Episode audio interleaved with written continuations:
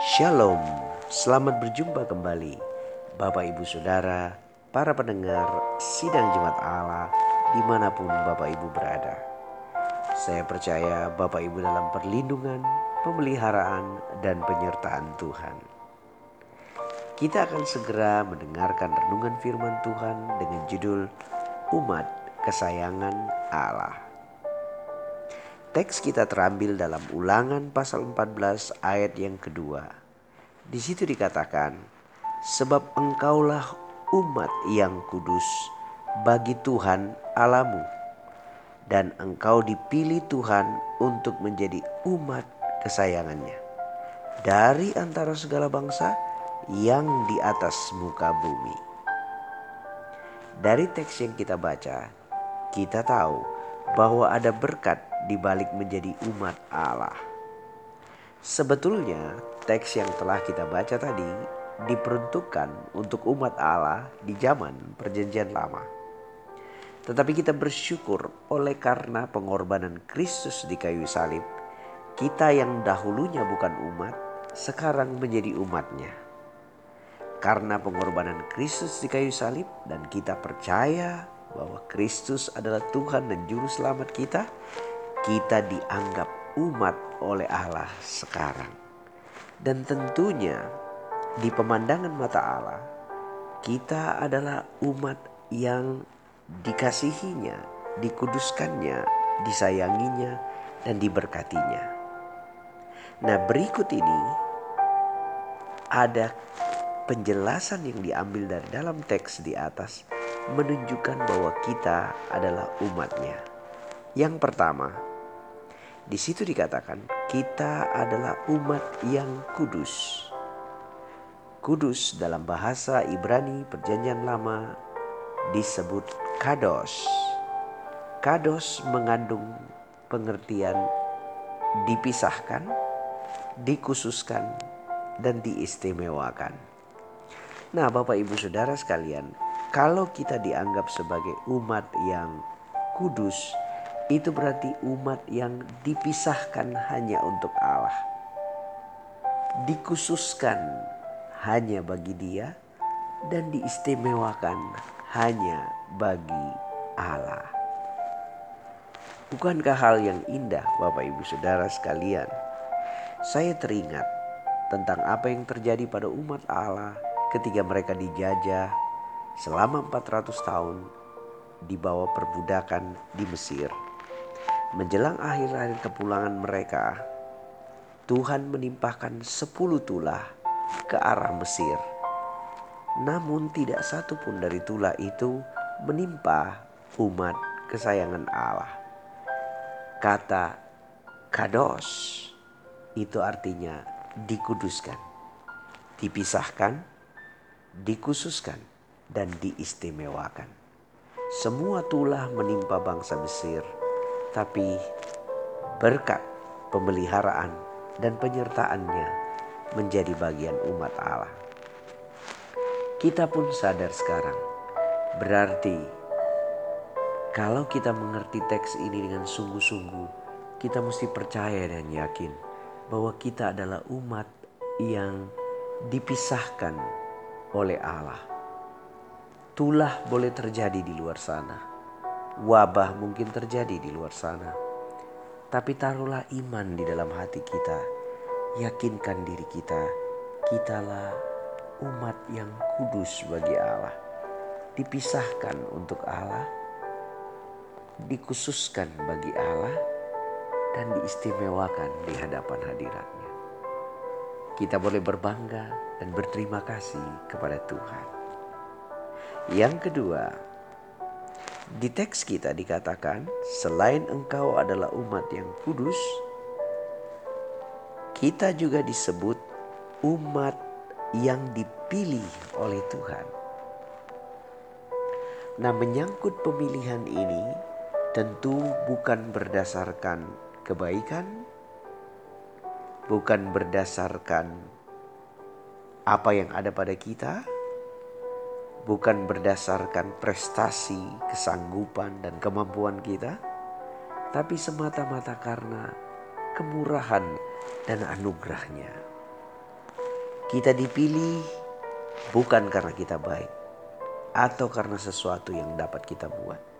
Kita dipilih karena anugerahnya. Anugerah adalah sebuah pemberian yang hanya diterima dan dinikmati dengan sukacita. Nah, Bapak Ibu Saudara yang dikasih Tuhan, kita adalah umat yang dipilih oleh Allah secara khusus. Lewat pengorbanan Kristus di kayu salib dan kita mempercayainya bahwa Yesus adalah Tuhan dan juru selamat kita. Alkitab berkata, kita ini umat pilihan Allah. Tidakkah kita bersyukur bahwa Sang Pencipta memilih kita? Kita dipilih dari segala bangsa menjadi umat yang dikuduskannya. Kita adalah orang-orang pilihannya. Dan tentunya di mana pun setiap orang yang dipilih khusus tentu dapat menikmati berkat-berkat yang telah disediakannya. Saya percaya Bapak Ibu sekalian yang mendengarkan berita firman Tuhan ini juga adalah umat yang telah dipilihnya. Yang ketiga, selain umat yang dikuduskannya, umat yang dipilihnya, juga kita adalah umat kesayangannya. Wah, luar biasa ya Bapak Ibu Saudara sekalian. Kita adalah umat kesayangan Tuhan. Mungkin ada di antara kita yang sudah merasakan eh, penderitaan, kesulitan, dan tantangan kita merasa selama ini Tuhan tidak menyayangi kita lagi, Bapak Ibu, kita keliru. Ternyata Bapa sangat menyayangi kita. Mungkin kita berpikir Tuhan sudah tidak melihat saya lagi karena dosa dan kesalahan saya. Tuhan sudah melupakan saya. Kita keliru. Karena ternyata Yesus datang ke dunia bukan untuk mencari orang yang benar, tetapi orang yang berdosa seperti saya dan Bapak Ibu Saudara sekalian. Kita adalah umat kesayangannya. Tentunya umat kesayangan Tuhan akan memberikan kita dorongan dan kekuatan. Bahwa meskipun di tengah jalan yang gelap, kerikil yang tajam, lembah yang curam, situasi yang berat, Bapa di sorga terus memperhatikan kita. Mungkin kita tidak melihat tangannya menolong kita sekarang di dalam situasi yang sedang sulit seperti ini, tetapi kita harus percaya hatinya. Hatinya berkata, "Kamu adalah umat kesayanganku." Dan tentunya umat kesayangan adalah umat yang terus mengalami perhatian Bapa. Pernahkah Bapak Ibu membiarkan anak bapak ibu berjalan sendiri di taman kota? Tentu tidak. Mata kita akan terus terawas mengawasi dia. Atau ketika berjalan di bibir pantai, dia mungkin sedang asik menikmati gelombang laut. Tetapi mata kita terus tertuju padanya. Begitulah Tuhan melihat bahwa kita adalah umat kesayangannya dia tidak akan membiarkan kita.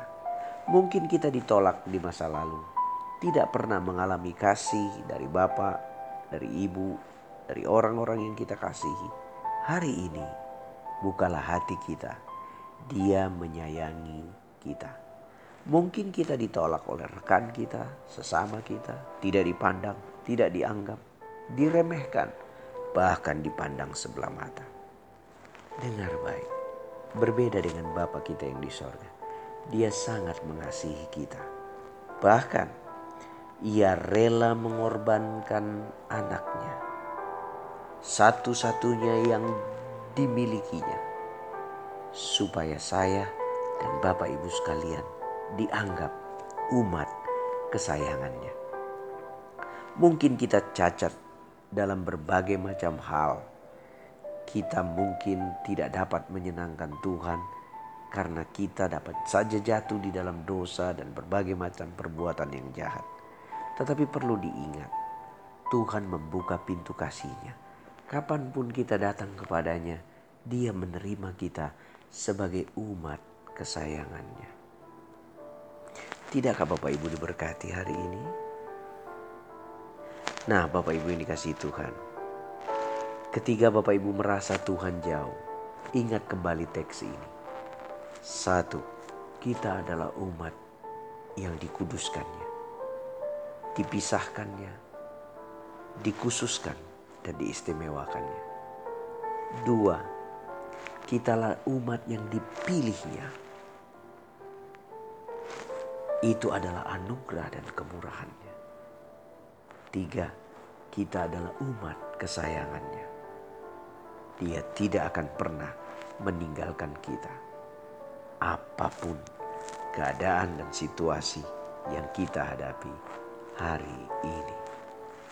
Tuhan Yesus memberkati kita Bapak Ibu Saudara sekalian. Terimalah berkat sehat, kuat dan panjang umur. Damai sejahtera menjadi bagian atas kita sekalian. Shalom.